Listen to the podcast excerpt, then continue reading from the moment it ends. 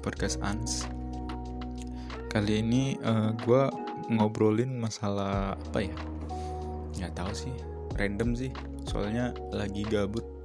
Ini uh, eh, gue ngerekam podcast gue ini jam setengah 12 Gue habis nonton, habis minum kopi, habis ngemil, makan jeruk, dan lain-lain. Uh, rasanya bosan karena uh, ya tahu nggak tahu nggak sih karena corona ini jadi mau keluar juga nggak tahu mau ke mana karena semua pada tutup kayak mall atau tempat-tempat wisata. Semua pada tutup di Bandung semua pada tutup.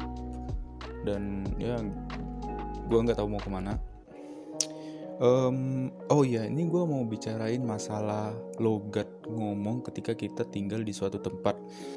Jadi uh, ya gue juga ngerasa sih ketika gue di Medan atau di Pekanbaru itu kata gue gue tuh aku gitu. Jadi kadang-kadang aku ngomong logat atau aksen Medan kadang-kadang kayak Jakarta Jakartaan padahal di Bandung gitu loh. Nah kenapa gue bisa uh, ngomong logat kayak gini? Yang pertama karena di lingkungan kampus gue um, di apa di sekolah tinggi pariwisata Bandung itu kebanyakan adalah di kelas gua dan hampir di, di di kampus gitu kebanyakan adalah orang-orang di luar daerah Bandung, di luar kota Bandung. Dan di kelas gua khususnya itu adalah uh, mereka yang kebanyakan dari Bekasi, uh, ada juga yang dari Jakarta dan di Bandung dan orang Bandung asli itu juga cuma lima orang gitu loh. Jadi kebiasaan gua ngomong sama mereka itu ya gua ngikutin ngikutin uh, apa namanya ngikutin aksen atau logat mereka berbicara. Nah gue juga uh, kenapa ya? Um, kena kenapa gue nggak mempertahankan logat Medan gue kalau misalnya gue ngomong sama mereka juga biasanya gue uh, apa keceplos bukan keceplosan sih kayak nggak nggak sadar kalau misalnya gue ngomong itu logat Medan. Jadi uh, unik bagi mereka sehingga mereka juga ngikutin uh, logat gua ngomong kayak eh bang ke mana kok bang? Sini bang. Nah gitu. Tapi dengan uh, kalau misalnya cara apa uh, misalnya rapat atau kita diskusi masalah apa gitu gua nggak bisa menggunakan aksen Medan karena menur, uh, kenapa ya ketika kita menggunakan sesuatu aksen atau logat itu itu mempengaruhi pola pikir uh, dan cara pencernaan otak. Artinya gini ketika gue ngomong dengan logat e, bisa dibilang logat Jakarta gitu ya gue ngerasa kata kata-kata yang gue keluarin itu itu tuh e, sesuai dengan apa yang gue pikirin. Beda halnya kalau misalnya gue e, memakai logat atau aksen Medan atau di Sumatera gitu misalnya. Dan juga e, kosakatanya itu berbeda misalnya kalau misalnya gue lagi rapat atau lagi diskusi sama teman-teman gue terus gue bilang e, lu jangan uh, kau jangan ecek-ecek terus lah kau di sini. Nah itu mungkin mereka bakalan nggak mengerti apa yang gue katain apa yang gue bilang. Karena di Medan ecek-ecek itu kan kayak main-main gitu loh. Mereka nggak ngerti nggak daripada gue diskusi terus gue artiin lagi apa yang gue bilang mendingan gue menggunakan logat atau aksen dan kata-kata yang sering digunakan di kampus gitu loh. Dan menurut gue sih ini bukan bukanlah masalah uh, lifestyle atau ya tentang ada tentang tinggal di Bandung gitu. Terus tentang teman-temannya adalah orang-orang Jakarta terus logatnya logat-logat Jakarta supaya sok keren atau apa gitu. Iya memang. Eh enggak maksudnya uh, enggak gitu. Uh, apa ya bisa dibilang?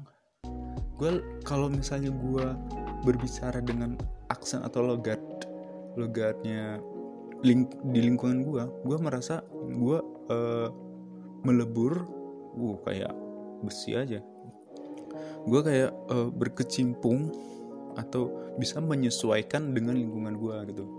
Dan juga sih sebenarnya gue nggak bisa mempertahankan satu aksen uh, yang gue punya. Artinya gini gue tinggal di di di di, di Medan itu nggak lebih dari 10 tahun karena hidup gue tuh nomaden.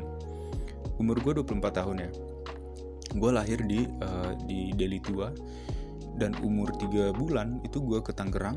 Di Tangerang itu gue umur sampai uh, kira-kira 3 atau 4 tahun gue lupa. Terus di waktu kelas 1 kelas 1 SD kelas 1 SD semester 1 eh, semester 2 itu gue pindah lagi ke Tangerang. Nah di Tangerang otomatis di Tangerang itu uh, ini ini juga cerita paman bukan paman sih apa dibilang bapak tua abangnya bapak gue gitu. Dia bilang uh, ketika gue kecil waktu itu aksen gue juga bukan aksen Medan ketika berbicara saat itu aksen kental banget sama aksen Betawinya kental banget sama aksen Jakartanya gitu loh. Nah terus uh, kelas du eh kelas 4 kelas 4 SD gue pindah ke Riau. Nah di Riau itu mayoritas adalah orang suku anak dalam atau suku Melayu. Nah gue juga mengadaptasi dan menyesuaikan diri dengan perkataan mereka dengan logat mereka dan aksen mereka. Dan itu gue umur uh, sampai SMP kelas 3 SMA kelas 1 itu gue pindah lagi ke Medan. Nah di Medan itu uh, mayoritas adalah uh, suku Karo. Tapi gue nggak bisa bahasa Karo sama sekali nah setelah lulus gue itu uh, ngelanjutin ke ke pendidikan uh, pendidikan biarawan biara biar religius lah bisa dibilang gitu. Dan di situ gue belajar bahasa Karo. Dan gue bisa bahasa Karo setelah gue lulus SMA nah di situ juga gue uh, logatnya juga logat-logat apa ya? Dibilang logat Medan juga sebenarnya gue ngikut-ngikut. Karena uh, ketika gue bilang logat Medan gue nggak secara general gue nggak tahu Medan itu apa. Gue uh, tempat-tempat Medan juga gue nggak nggak nggak nggak nggak banyak tahu gitu loh. Karena gue uh, nggak nggak pernah menjelajahi kota Medan.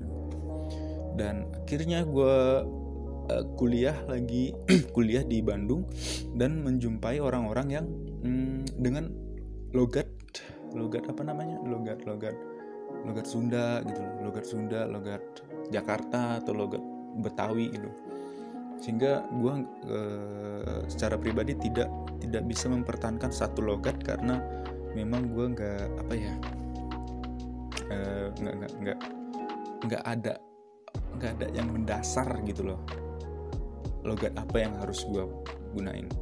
Nah bicara logat itu wah, logat Melayu gue bisa logat Jawa logat Batak logat nah kalau misalnya kalian belum tahu logat logat itu kayak nada atau intonasi ketika kita berbicara. Dan penggunaan kata-katanya juga berbeda. Contohnya logat Batak. Itu intonasi dan pengucapannya itu uh, keras dan mm, menggunakan huruf e e vokal itu biasanya menggunakan e keras misalnya terlalu menjadi terlalu berbeda jadi berbeda. Nah tapi kalau misalnya logat karo logat karo misalnya uh, mau bilang uh, kau mau ke mana? Nah kau eh kau mau ke mana? Mau makan? Nah itu logat karo. Kalau logat Jawa uh, bukan bahasa Jawa ya tapi logatnya logatnya. Saya logat Jawa. Uh, mau ke mana misalnya? Uh, mau ke uh, mau ke mana? Uh, mau mau ke mana kok nangan di eh itu bahasa Jawa ya. Ya pokoknya kayak gitulah. Nah kalau logat Medan itu beda. Logat Medan itu beda, berbeda sama logat Batak, logat Karo, logat Melayu, logat Jawa itu berbeda. Logat Medan itu kayak percampuran antara beberapa etnis.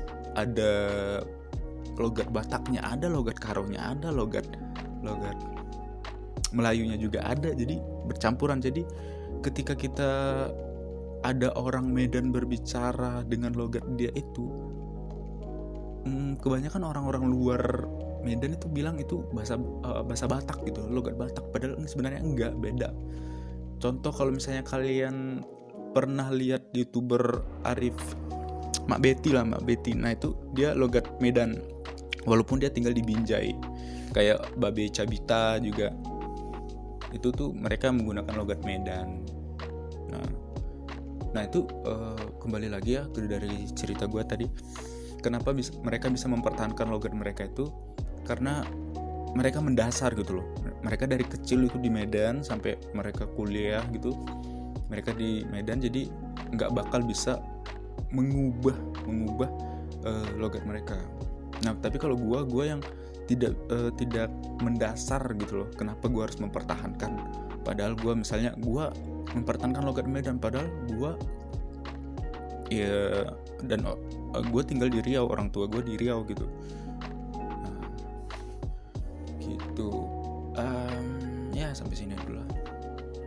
males buat podcast.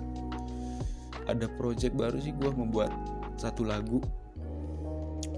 Judulnya Pak Ketipang Ketipung. Tapi nggak tahu sih.